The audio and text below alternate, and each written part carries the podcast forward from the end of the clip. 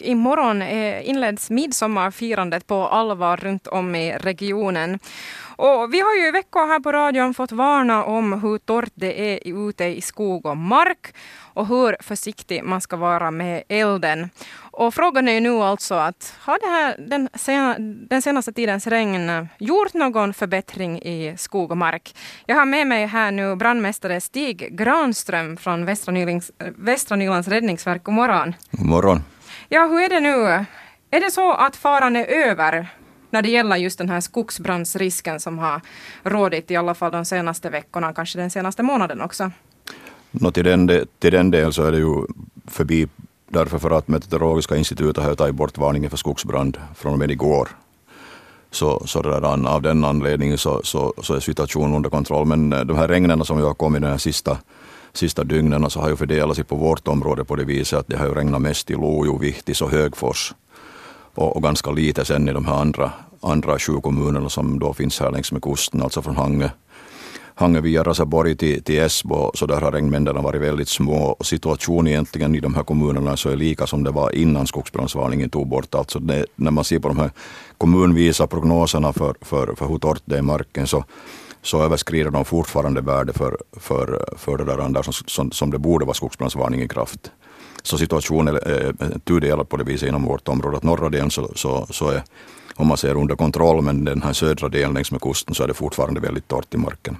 Ja, det låter ju nästan som det är lite farligt det här med att man, man kategoriserar ett så stort område som hela Nyland med den här skogsbrandsvarningen som då meteorologerna, meteorologerna utfärdar. Borde det finnas liksom kanske några mera lokala variationer just för Väst och Östnyland och kanske Mellannyland? No, jo, det här är en fråga som jag har diskuterat med meteorologen i, i många, många år just det här, men de har ju den här indelningen och de har inte velat gå bort ifrån den. Det är ju endast i Lappland som man har kommunvisa eh, prognoser för, för, för skogsbrandsvarning. Men, men när det gäller Nyland så har de hållit fast vid det här. Om vi får bara leva med det att det är så här och, och, och redan sen då beakta det i vår verksamhet.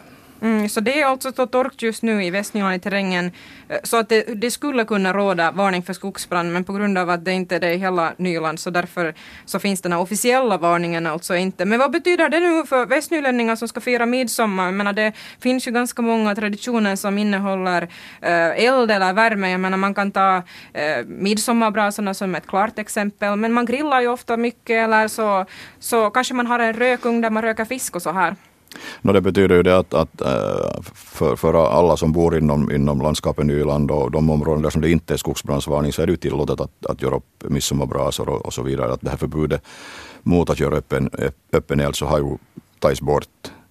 Men, men fortfarande så är det kvar att, att var och en är ju ansvarig för konsekvenserna av om det händer någonting när man, när man eldar. Så det gäller ju att vara försiktig.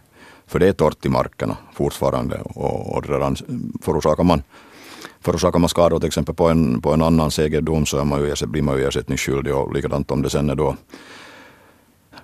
kontrolleras av och, och bedöms av, av, av de där poliserna om det har varit på grund av ovarsamhet så finns det ju den möjligheten att man bötfälls för det här som har hänt.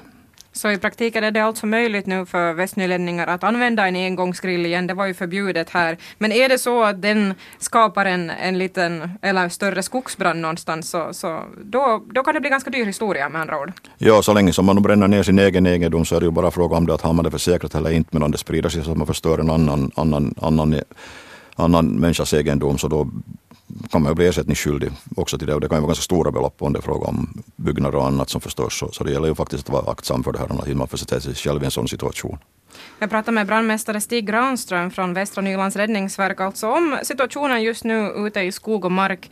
Eh, det har ju varit otroligt torrt och det har kommit lite regn men de här regnskurarna har också varit ganska så lokala så det är fortfarande väldigt torrt i terrängen här i Västnyland trots att den här officiella varningen för skogsbrand togs, eh, kan man säga, togs ur bruk igår. Vad har du nu för tips då till eh, folk som tänker kanske bada bastu um, tända grillen och, och annat så här. Vad, vad ska man tänka på? den här brandfaran är förstås en sak som man ska beakta. Som att, att om man grillar så, så släng nu ut de här glöd, glöden som blir kvar efter grillen genast i marken. Utan se faktiskt till att den är släckt.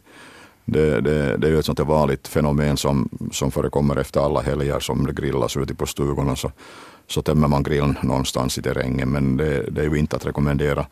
Nu har de ju meteorologen spått att det kommer att regna under eftermiddagen och sen eh, midsommaraftonsväder så kommer det att vara väldigt besvärligt enligt det som, som vi har nu prognos. Så, så med tanke på midsommarafton på fredagen alltså så, så, redan så gäller det faktiskt att vara försiktig för att de har lovat stormstyrkor ute på, på Skärgårdshavet och norra Östersjön. Vilket är ju besvärligt för de som rör sig med båt ute i, ute i skärgården. Men det här är ju också likadant för det att, att om, om det inte kommer det här regnet som de har lovat så, så är vi ju faktiskt i en väldigt besvärlig situation med, med, med det där vindar på upp till 20 meter, över 20 meter på land och, och en skogsbrand i en sån situation så är det som vi allra minst önskar oss. Hur är det själv då, Stig Grönström, Ska du få vara ledig på midsommar eller hur ska du fira? No, eh, bara jag kommer till Esbo nu här på eftermiddagen så byter jag bort beredskapen och blir ledig. Men, men som sagt var så vi håller på samtidigt på eftermiddagen här kommer att förbereda oss för det att att vilka åtgärder som eventuellt det här utlovade vädret med, med, med regn och kraftiga regn, hårda vindar och, och, och det som vad det kan medföra för morgondagen så, så beroende på sen hur situationen utvecklas så kan det ju hända att vi är många, många som är på jobb på midsommarafton. Ja, så du blir inkallad i alla fall fast du ska vara ledig? Det finns den risken.